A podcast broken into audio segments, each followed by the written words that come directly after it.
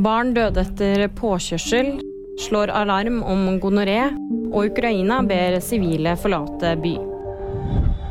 Et barn døde etter en påkjørsel i et garasjeanlegg i Bærum. Barnet, som er under to år, ble erklært død på stedet. Både barnet og den som forårsaker det her, er, har en familierelasjon. Det sier innsatsleder Tore Barstad. Det er en sterk økning av gonoré i Norge. I løpet av 2022 så har det vært en sterk økning særlig hos unge heteroseksuelle, skriver FHI i en pressemelding. Gonoré er svært smittsomt, så nå må vi få de unge til å bruke kondom, skriver FHI videre.